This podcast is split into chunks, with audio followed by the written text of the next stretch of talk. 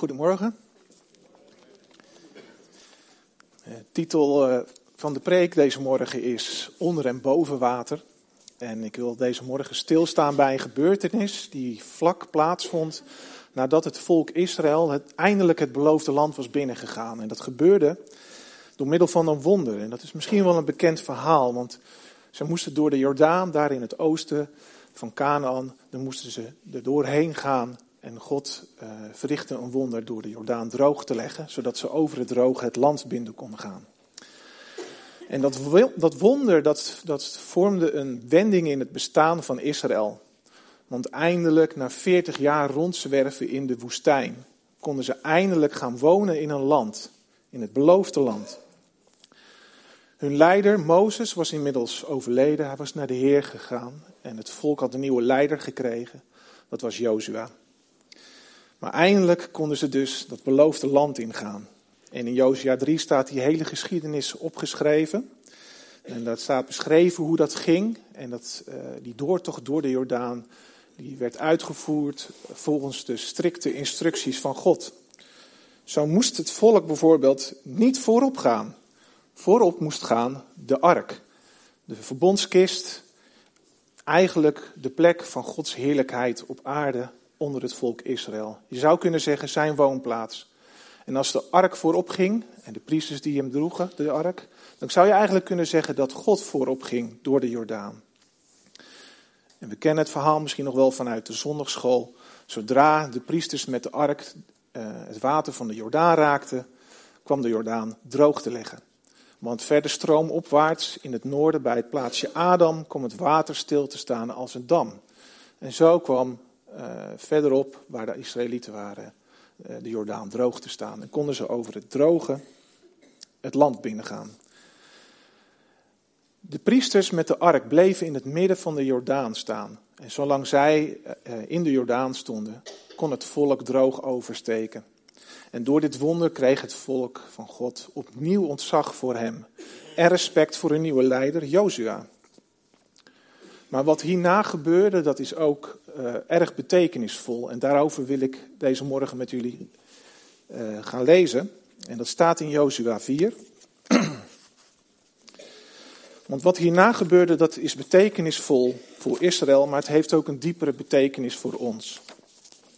En we lezen uit Jozua 4, en dan de eerste negen versen en vervolgens vers 15 tot en met 24. Ik begin bij Joshua 4, vers 1. Nadat het hele volk de Jordaan was overgetrokken, zei de Heer tegen Jozua: Kies nu twaalf mannen uit, één uit elke stam. En zeg hun dat ze van de plaats waar de priesters in de Jordaan staan, twaalf stenen moeten halen. Die moeten ze meenemen en in een kamp leggen waar jullie vannacht zullen verblijven. Jozua liet twaalf mannen aanwijzen, één uit elke stam van Israël. En nadat hij hen bij elkaar geroepen had, zei hij tegen hen: Ga voor de ark van de Heer, uw God, de Jordaan in. U moet allemaal één steen op uw schouder nemen, één voor elke stam van Israël. Ze zullen een gedenkteken zijn, voor u zijn. Wanneer uw kinderen later zullen vragen wat die stenen betekenen, dan moet u ze vertellen dat het water van de Jordaan werd tegengehouden door de aanwezigheid van de ark van het verbond met de Heer.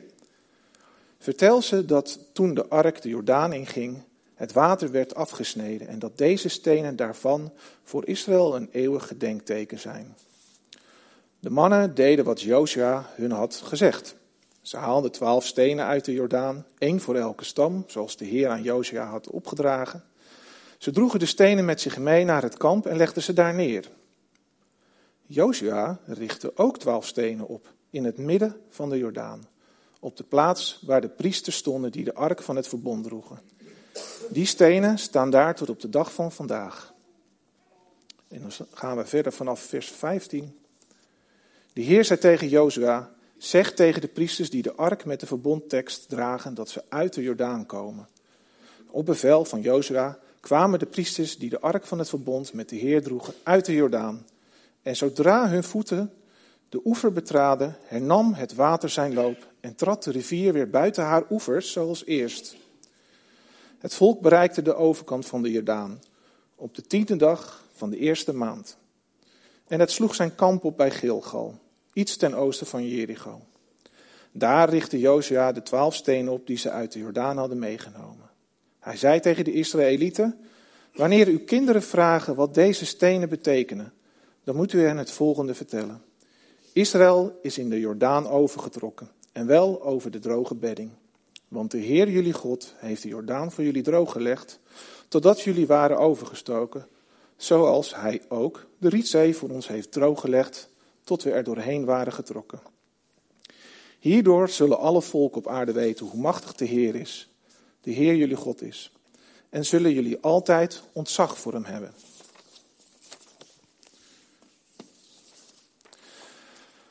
Eindelijk, Israël is nu in het beloofde land. Het land wat hun al zo lang was beloofd uh, door middel van een verbond met Abraham, Isaac en Jacob.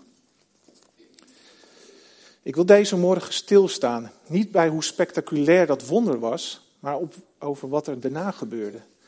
En ik wil stilstaan bij het binnentreden van uh, Israël in het beloofde land. Want deze ging door water. Althans, het water moest wijken voor hun. En hebben we dat niet eerder in de Bijbel gelezen? Een verhaal dat het volk Israël ergens doorheen moest en het water ging weg. Ja, dat hebben we eerder meegemaakt. En het wordt ook in vers 23 aangehaald. De Rietzee. Een gebeurtenis die 40 jaar eerder plaatsvond toen het volk van God uit Egypte werd bevrijd. En de farao die kreeg spijt dat hij het volk had laten gaan en stuurde het leger achter hen aan. De farao wilde het volk Israël doden. Maar toen was daar het wonder. God greep in. En hij uh, leidde het volk naar de Rietzee, liet de Rietzee, uh, Rietzee opdrogen. Het volk kon daar doorheen trekken. Maar toen de Egyptenaren achter hen aangingen om hem te doden, liet God het water terugkomen. Toen werd het volk definitief verlost van een zekere dood.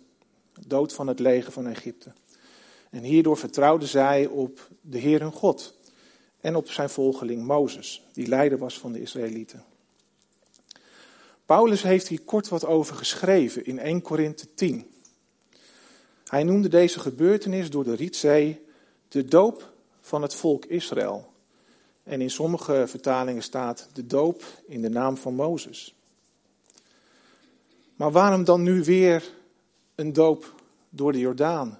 Je zou bijna kunnen zeggen een doop in de naam van Jozua. Waarom een tweede doop? Ik denk dat wij als baptisten daar wel een mening over hebben. Want je kan toch niet zomaar twee keer gedoopt worden? Nee, dat kan zeker niet. De doop in Jezus' naam, dat doe je maar één keer. Want zijn offer was voldoende. Voldoende om de zonde van ons en van de hele wereld weg te nemen. Dat geloven wij bij de doop in Jezus' naam. Maar waarom dan nu weer zo'n spektakelstuk? Waarom zo moeilijk doen? Kon het volk van God niet beter uh, via het zuiden het land naar binnen gaan? Daar was tenminste geen obstakel. Daar was geen rivier waar het volk van God doorheen moest trekken. Ja, dat is een goed plan. En dat was eigenlijk ook het originele plan van God. Want 40 jaar daarvoor, toen het volk nog geleid werd door Mozes, en ze kwamen uit de Rietzee, niet lang daarna kwamen ze bij de grens van Canaan in het zuiden bij het plaatsje Kades, daar waar een oase was. Toen konden ze wel rechtstreeks het land, het beloofde land, naar binnen trekken. Maar dat werd een hele trieste geschiedenis. Die geschiedenis kan je teruglezen in nummer 13 en 14. Want toen het volk, geleid door Mozes, bij de grensplaats Kades aankwamen en ze konden rechtstreeks het land naar binnen lopen, toen moesten ze eerst in opdracht van God het land verkennen. Weer zo'n bekend verhaal. De twaalf verspieders die veertig dagen lang Canaan mochten verkennen. En na die veertig dagen kwamen die twaalf verspieders terug. En twee van hen, Caleb en Jozua, en inderdaad, dat is dezelfde Jozua die veertig jaar later de leider van het volk werd. Zij kwamen enthousiast terug, want ze zagen alle zegen die God had klaar liggen in dat land Canaan. Land was vruchtbaar. Dat beloofde land ah, dat wordt fantastisch. En ze vertrouwden op God dat het daar helemaal goed zou, zou komen. Maar die overige tien verspieders, die zagen eigenlijk alleen maar obstakels. Die zagen dat er andere volken wonen die heel sterk waren. Er waren zelfs reuzen bij. En die tien verspieders die terugkwamen, die maakten het volk bang. Ze verspreidden praatjes dat het niet goed zou komen, dat er grote volken waren. En eigenlijk vertrouwden ze niet dat het goed zou komen in dat beloofde land. Ze vertrouwden niet op God. En ze stookten het volk op en ze kwamen in opstand. Opstand tegen Mozes en Aaron. En eigenlijk kwamen ze in opstand tegen God. En toen was de maat vol. God strafte het volk Israël. En ze mochten niet het beloofde land in. Als straf moesten ze veertig jaar in de woestijn zwerven. Eén jaar voor elke dag dat het land verkend werd. En zo zouden alle mannen van twintig jaar en ouder sterven in de woestijn. Op die twee verspieders na, die God wel vertrouwden, Caleb en Jozua. Zij en hun familie zouden wel in het beloofde land komen. Maar wat een trieste geschiedenis is dat. Het volk die de wonderen hadden meegemaakt van de tien plagen in Egypte. Die bevrijd waren uit de slavernij. Zij die het wonder hadden, die hadden meegemaakt van de Rietzee. Maar nu opeens niet meer vertrouwden op God. Zij zouden sterven in de woestijn en het beloofde land niet zien. God schortte het verbond wat hij had gesloten met Abraham, Isaac en Jacob voor 40 jaar op. Er zou tijdelijk geen, beloofde land zijn. Maar nu, de geschiedenis die ik gelezen heb met jullie, 40 jaar verder. Nu staan ze bij de poort van het nieuwe land, bij de grens. En er was een nieuwe generatie van Israël geboren in de woestijn. Geboren en opgegroeid in de woestijn. Maar zij hadden die doop in de Rietzee niet meegemaakt. Vandaar dat er een nieuwe doop moest komen. Een doop van een nieuwe generatie. Maar waarom gedoopt? Waarom is dat zo belangrijk? Ik denk als je naar de, de, betekenis van de doop moet kijken, dan moet je naar water kijken. Want een doop zonder water, dat is geen doop. Dat water, dat staat voor iets. Dat water staat voor de dood. We weten allemaal dat water niet zelden letterlijk de dood voortbrengt. Kijk maar naar het nieuws. Elk jaar zien wij wel eh, overstromingen met doden als gevolg. Maar ook in de Bijbel maken we zulke verhalen mee. We kunnen bijvoorbeeld denken aan de zondvloed. Of aan de tocht door de Rietzee.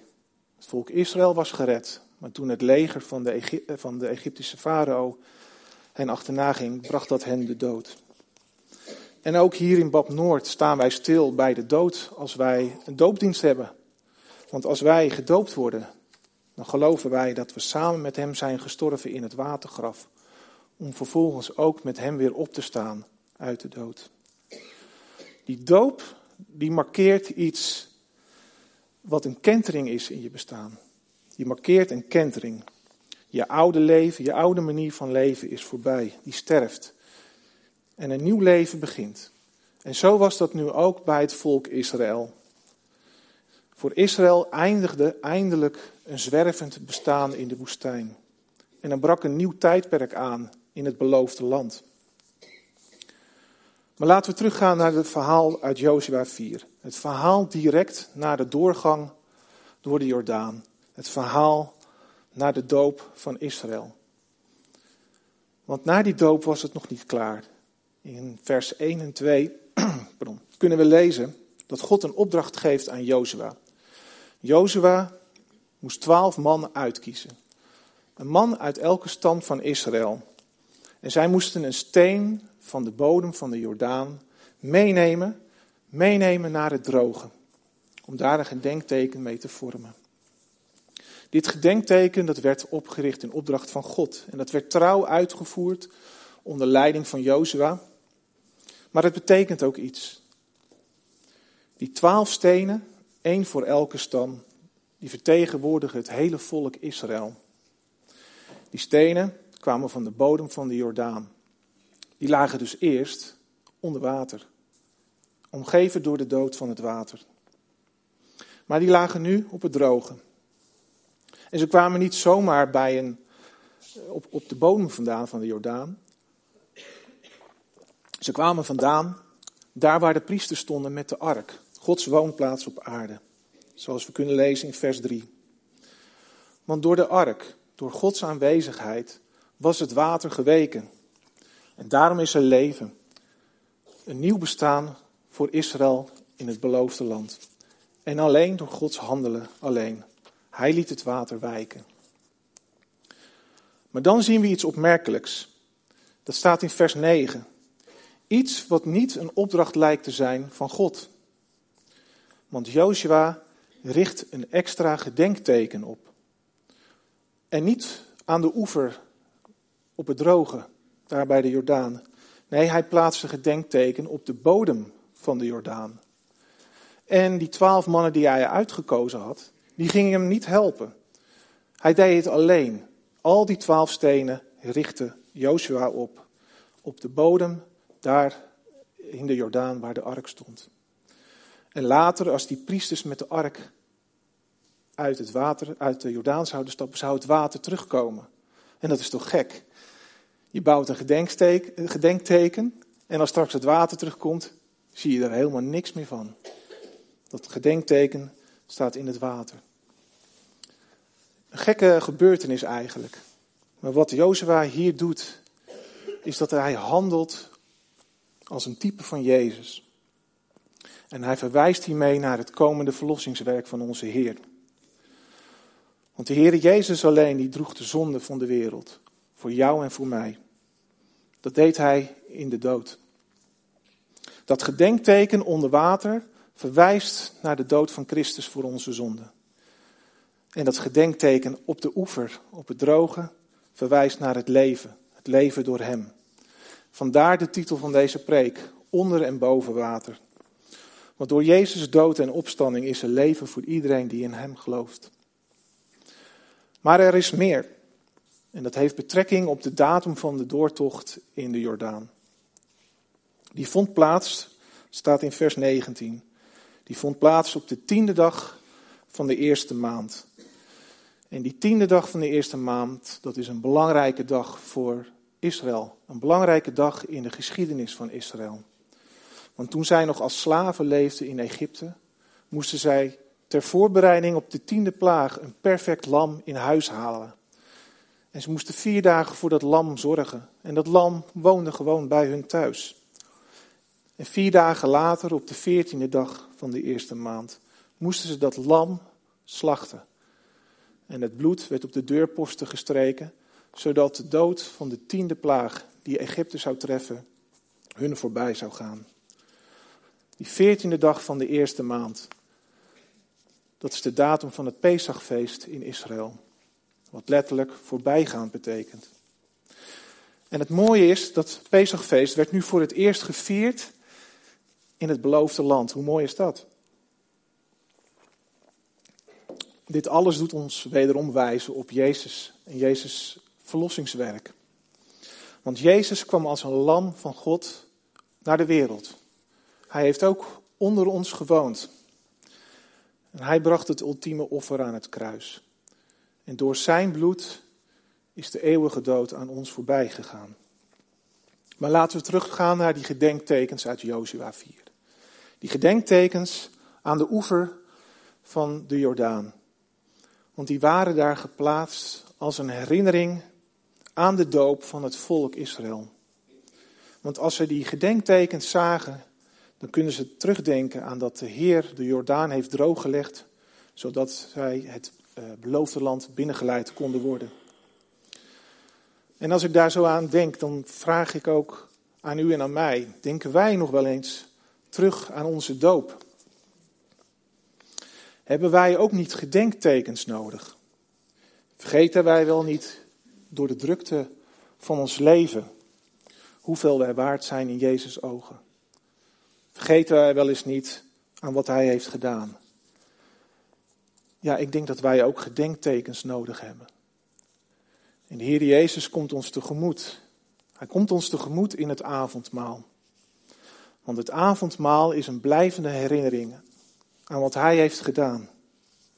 Jezus riep ook bij de instelling van het avondmaal op om Zijn dood keer op keer te gedenken.